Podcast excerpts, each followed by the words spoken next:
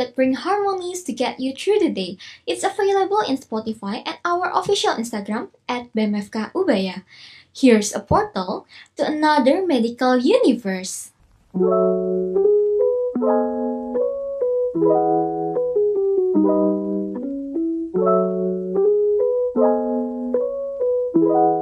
Harpot Friends, bersama saya Sarah Kirana di podcast episode ke-11 BEM Ubaya, Harpot. Dengan judul kita kali ini yaitu Be Active and Productive in FK. Oke langsung aja hari ini kita kedatangan teman ngobrol. Uh, ini teman saya sendiri, teman satu kelas, teman angkatan. Please welcome Teresia Esther Babakal. Hai Tere. Halo Sasa. Halo, halo. Selamat datang. Mungkin boleh kenal dulu nih Ter, buat teman-teman yang belum kenal atau belum tahu nih. Oke, siap. Halo teman-teman semua. Perkenalkan, namaku Teresia Esther Babakal. Aku mahasiswa aktif FK Ubaya Angkatan 2019 yang puji Tuhan tahun ini dipercayakan sebagai Gubernur Badan Eksekutif Mahasiswa Fakultas Kedokteran Universitas Surabaya. Kira-kira itu dulu ya, Sa, untuk perkenalannya. Oke oke oke aku jelasin lagi nih ya untuk yang belum kenal Tere ini temanku mahasiswa aktif angkatan 2019 di FK Ubaya. Nah sekarang ini barusan menjabat sebagai Gubernur BEM FK Ubaya periode 2021-2022 juga aktif nih di organisasi ISMKI wilayah 4. ISMK itu apa ya Tere? Oke, Sa. Untuk ISMK itu kepanjangannya Ikatan Senat Mahasiswa Kedokteran Indonesia. ISMK itu merupakan suatu organisasi mahasiswa kedokteran yang tertua dan terbesar di Indonesia, Sa. Yaitu terdiri hmm. dari empat wilayah. Salah satunya wilayah empat yang kita Fakultas Kedokteran Universitas Surabaya termasuk di wilayah 4 itu wilayah terbesar. Nah, di SMK itu tuh ada berbagai macam bidang yang tujuannya ya dengan harapannya untuk menjadi wadah koordinasi dan juga wadah aspiratif bagi seluruh mahasiswa kedokteran. Kira-kira untuk itu saja ya untuk secara garis besarnya tentang okay. SMKI. Oke okay, oke, okay. udah jelas nih. Okay. Langsung aja ya Ter, aku mau tanya aja tentang kehidupan uh, kehidupan normal seorang Teresia. Oke. Okay. Kamu ini kan aktif nih di organisasi BEM, di, di SMKI juga. Nah, kamu aktif, meanwhile kita di FK ini ya ujian, ya praktikum, banyak lah tugasnya. Itu kenapa kamu kok uh, memilih untuk aktif di organisasi gitu? Kenapa nggak fokus aja, fokus belajar gitu jadi dokter? Gimana nih? Kenapa? Oke, jadi kalau dari aku sendiri, kenapa aku lebih memilih untuk aktif berorganisasi di tengah perkuliah, perkuliahan kita yang padat, apalagi kita lagi semester lima ini ya sa lagi sibuk-sibuknya ngurus medpen persiapan skripsi dan tuh banyak tugas lainnya juga. Itu uh, lebih ke aku melihat basic banget sih ini melihat value dari mengikuti organisasi. Dan juga uh, aku ingin mencurahkan juga uh, ide-ide aku di organisasi. Nah uh, aku tuh punya pengalaman sa waktu awal-awal masuk FK waktu itu aku kan belum ikut organisasi dan itu masih masa-masa peralihan dari SMA ke kuliah. Itu tuh masih masa-masa yang berat ya saat itu. Masih masa-masa menyesuaikan diri lah penyesuaian. Nah itu tuh um, aku jadi mahasiswa yang kupu-kupu istilahnya. Kuliah pulang kuliah pulang. Nah itu sebenarnya iya sih berat berat belajarnya karena masih menyesuaikan. Tapi sebenarnya masih banyak waktu luang gitu loh sa. Dan waktu itu waktu semester satu itu waktu luangku itu banyak aku gunakan dengan hal-hal yang kurang produktif. Seperti kayak bermain, um, jalan bareng teman dan banyak santainya akhirnya istilahnya aku terlena. Nah, dengan aku terlena itu aku jadi males belajar dan um, kurang bisa membagi waktu dengan baik. Karena ya udah abis belajar masih banyak waktu kosong ya udah main aja gitu-gitu. Dan akhirnya berdampak pada nilaiku ya memang tidak bisa dipukiri ya selain uh, masih masih masa penyesuaian dengan materi-materi di Fakultas Kedokteran ya salah satu faktor juga yang mempengaruhi nilai aku itu karena uh, cara cara belajarku tuh yang salah, cara membagi waktuku yang salah karena aku terlalu terlena, terlalu banyak banyak waktu bermainnya. Nah, makanya aku berpikir, wah kayaknya aku harus ikut organisasi karena menurut aku dengan aku ikut organisasi, aku dapat bisa membagi waktuku dengan baik jadi lebih produktif lagi gitu. Jadi bisa jadi bisa tahu oh, misal nih abis kuliah aku bisa abis kuliah ini aku aku bisa uh, ikut organisasi kan ikut kegiatan-kegiatan organisasi habis kegiatan organisasi aku harus fokus belajar karena waktuku um, tinggal sedikit kan nggak bisa nggak bisa terlalu banyak santainya jadi aku bisa membagi waktu dengan baik lah istilahnya itu sih lebih ke mau belajar time management itu Oke, oke, oke. Kalau di BEM sama ISMKI sendiri, Tar, itu kerjanya kamu ngapain aja? Bisa diceritain nggak apa aja yang kamu kerjain di situ? Terus uh, mungkin ada waktu tabrakan gitu, itu kamu gimana cara uh, manajemen waktunya antara BEM sama ISMKI? Oke, secara garis besarnya aja ya, Sa. Kalau di. BEM sendiri, ini kan masih periode awal juga, masih dalam masa-masa persiapan dari segi administrasi BEM, terus dari program-program kerja, dari um, anggaran dana dan lain-lain, itu masih dalam masa persiapan. Selain itu juga, dalam masa persiapan ini sudah ada program-program yang berjalan, Sa, seperti kemarin LKM MTM, dan sudah bakal, bakal ada webinar dan juga kegiatan-kegiatan lainnya. Itu sih untuk kesibukan BEM akhir-akhir ini terus sama ada rapat internal eksternal gitu-gitu. Terus kalau SMKI kemarin aku kan di SMKI di bagian leadership development. Itu tuh kalau di BEM kayak PSDM PSDM PSDM-nya kita aku di bagian upgrading institusi. Nah di situ kita uh, membuat satu kegiatan untuk misalnya memberikan ilmu lagi kepada teman-teman PSDM institusi mengupgrade lagi ilmu bagi teman-teman PSDM institusi. Dan kita bantu juga buat teman-teman institusi yang sekiranya perlu bantuan terkait menyusun ART, GBHO atau mungkin dalam sistem kaderisasi. Kira-kira itu sih yang aku lakukan. Okay. Dan kalau misalnya waktunya bertabrakan, itu aku lihat lagi mana yang bisa, uh, ya mana yang menjadi prioritas utama misalnya di saat itu. Apakah itu masih bisa didelegasikan atau enggak gitu sih lebih ke kita atur lagi gitu. Oke, okay, padat ya Bunda. nah ini aku tanya dari BEM-nya deh, kamu kan sebagai uh, gubernur BEM yang baru, apa nih program baru atau apakah ada inovasi baru tentang uh, proker yang akan dikerjakan? Apakah ada kan? Atau sama aja kayak yang kemarin-kemarin meneruskan gitu? Oke, okay, kalau untuk inovasi sudah pasti ada, Sa. di setiap program kerja kita, kita um, yang sudah program-program kerja yang sudah ada kita melakukan inovasi tentu saja sa. Karena kita nggak mau BEM ini jadi stuck gitu. Kita melakukan inovasi menyesuaikan dengan um, keadaan sekarang gitu loh sa. Apa yang diperlukan sekarang ini apa yang diperlukan juga teman-teman mahasiswa itu kita lakukan inovasi. Nah selain itu kita ada program-program baru juga seperti program anniversary BEM yang tujuannya itu kita sharing dengan teman-teman kakak-kakak uh, pengurus BEM yang dari awal sampai yang pengurus BEM sekarang kita sharing bertukar pikiran kira-kira kendala apa selama menjalankan BEM, apa yang perlu dibenahi, apa yang perlu um, kita tingkatkan gitu-gitu sih. Terus abis itu ada kegiatan yang menjadi um, ini apa apa senjata senjata oh, kita itu oh, ya, tahun ini yaitu kegiatan hari besar. Nah, Sasa tahu nggak yang kegiatan hari besar ini? Tahu dong. Kemarin tahu itu. dong. Aku aku yang cerita boleh. Iya, iya, boleh. Oh, boleh, boleh, boleh. Oke, aku yang cerita nih ya. Jadi kemarin itu aku sebagai salah satu warga uh, warga FK, sebagai salah satu partisipan, itu emang dari BEM itu ada menghimbau untuk kita bikin story gitu. Misalnya ada hari jantung, ada hari dokter gitu. Jadi kita upload di story masing-masing gitu. Selamat hari jantung atau selamat hari hmm. dokter dengan caption atau tulisan gitu ya, Ter ya.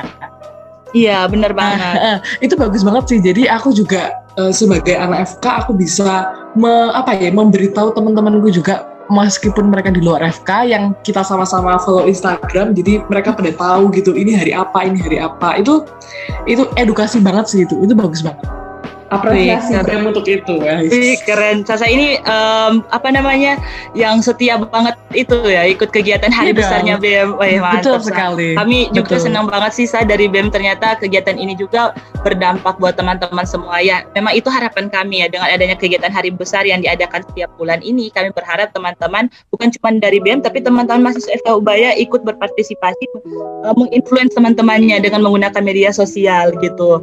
Jadi uh, nantinya bakal masih ada bulan-bulan ke depannya kan? Nanti ditunggu ya sa kegiatan-kegiatan.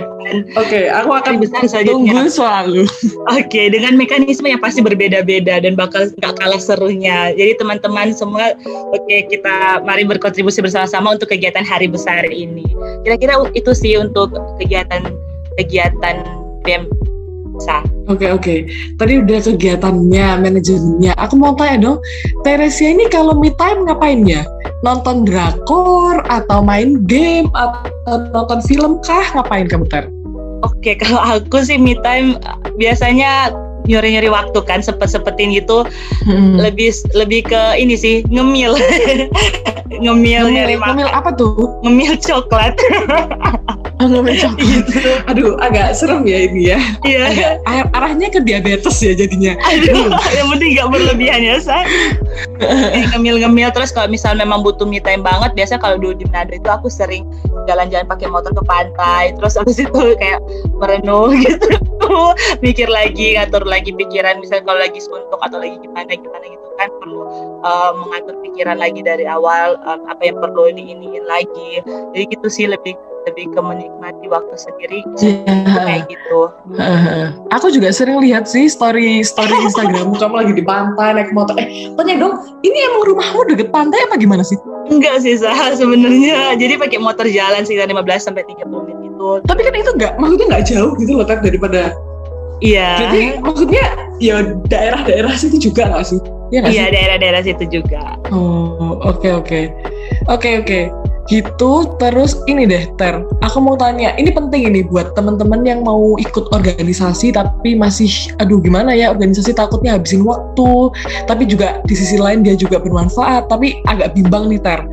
Uh, bisa kasih tahu nggak uh, sisi positif sama negatif dari kamu ikut organisasi ini Oke, ini mungkin aku secara poin-poinnya aja ya. Sebenarnya sisi yep. positif itu banyak banget teman-teman. Sisi positif dalam mengikuti organisasi, apalagi buat kita mahasiswa kedokteran. Basic banget sih yang pertama ya melatih soft skill kita buat uh, buat nanti mempersiapkan kita ketika menjadi dokter.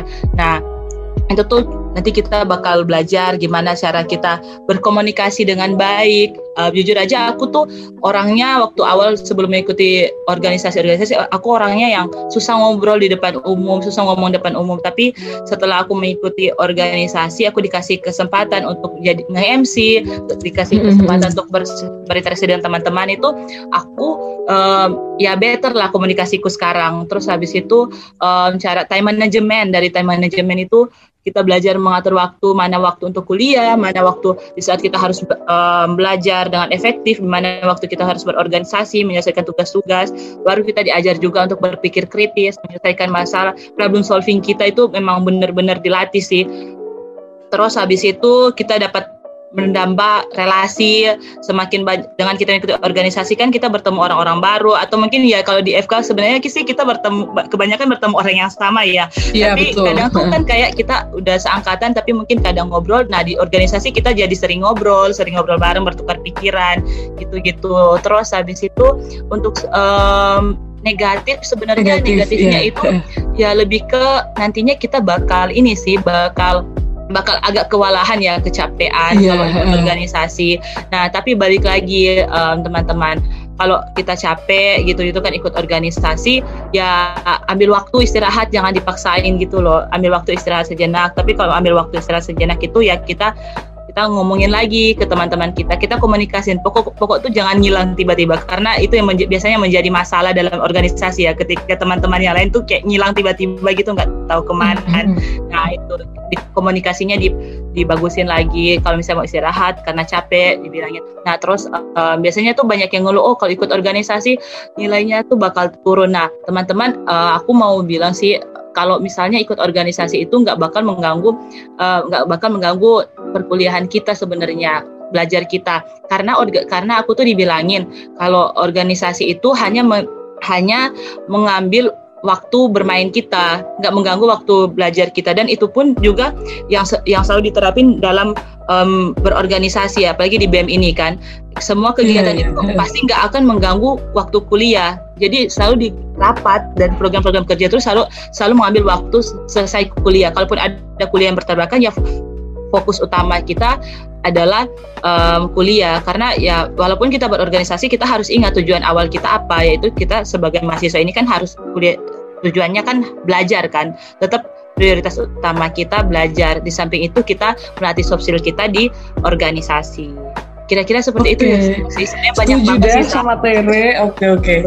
Oke Tar sebelum kita menutup ini ini ada yang namanya magical words okay. dari kamu. Ini mungkin bisa berupa advice atau wish atau pesan uh, untuk seluruh teman-teman Harpot mengenai topik kita kan kali ini be active and productive in and productive in FK. Ya. Nah ini kamu bisa kasih uh, apa ya saran atau tips-tips untuk kita semangat organisasi untuk tetap produktif dan aktif gitu deh. Oke, kalau dari aku sendiri sih teman buat teman-teman semua, apalagi buat teman-teman yang baru mau ikut organ, baru mau coba-coba ikut organisasi ya, jangan pernah takut untuk mengambil kesempatan yang ada uh, kalau misalnya dikasih kesempatan buat ikut BEM, DPM, KMM, KPUD ataupun organisasi di luar sana SMKI dan lain sebagainya, organisasi kepanitiaan, kepanitiaan ambil kesempatan sebanyak mungkin, belajar sebanyak mungkin. Nah, um, karena dan jangan jangan jangan merasa minder. Misal aku tuh nggak ada kemampuan apa-apa nih buat aku aku ikut organisasi. Nggak usah nggak usah berpikir seperti itu karena kita di organisasi akan belajar bersama. Kita berproses bersama di organisasi. Jadi jangan menunggu sempurna dulu untuk um, apa berpartisipasi dalam organisasi. Mari kita berproses bersama-sama di organisasi. Uh, jangan pernah takut untuk mengikuti mengambil kesempatan yang ada. Nah um, kita harus berani mengambil langkah-langkah kecil walaupun itu cuma langkah-langkah kecil, aku selalu yakin dan percaya setiap langkah-langkah kecil yang kita berani ambil setiap harinya, setiap saat itu akan berbuah baik, akan kita tuai dengan baik di kemudian hari. Jadi nggak perlu takut, kita coba aja, kita usah kalau gagal nanti ke depan ada masalah, ada kendala, nanti kita cari solusinya bareng-bareng, kita kita selesaikan bareng-bareng apa yang kita mulai kita ambil kes, kita ambil tindakan di awal kita kita mulai jalankan dan kita tuntaskan bersama gitu sih. Oke, keren banget Tere ini. Kita tepuk tangan dulu bentar bareng-bareng buat kita berdua. keren, keren. Tipsnya keren banget ini buat teman-teman yang mau mencoba atau sudah di dalam organisasi untuk tetap aktif gitu ya Ter ya. ya. Oke, Teresia Esther Babakal, terima kasih, thank you sudah mau menyempatkan waktu bagi cerita, bagi kasih, sarannya Sasa. juga buat aku juga belajar hari ini buat sama juga buat teman-teman Harpot yang mendengarkan ini. Uh, terima kasih Tere. Tere ada yang mau gantikan lagi? Udah, udah sih. Udah. teman-teman semua mungkin okay. semangat ya teman-teman. Uh, semangat, semangat ya. Semangat kita semua harus semangat untuk menjalani hidup. Oke. Okay. Thank you juga untuk Hardpot Friends yang sudah dengarkan episode kita kali ini. Semoga menghibur dan bermanfaat. Sampai jumpa di episode Hardpot selanjutnya bulan depan. See you. Bye bye. Bye bye ya Ter. Bye. Bye. Oke. Okay.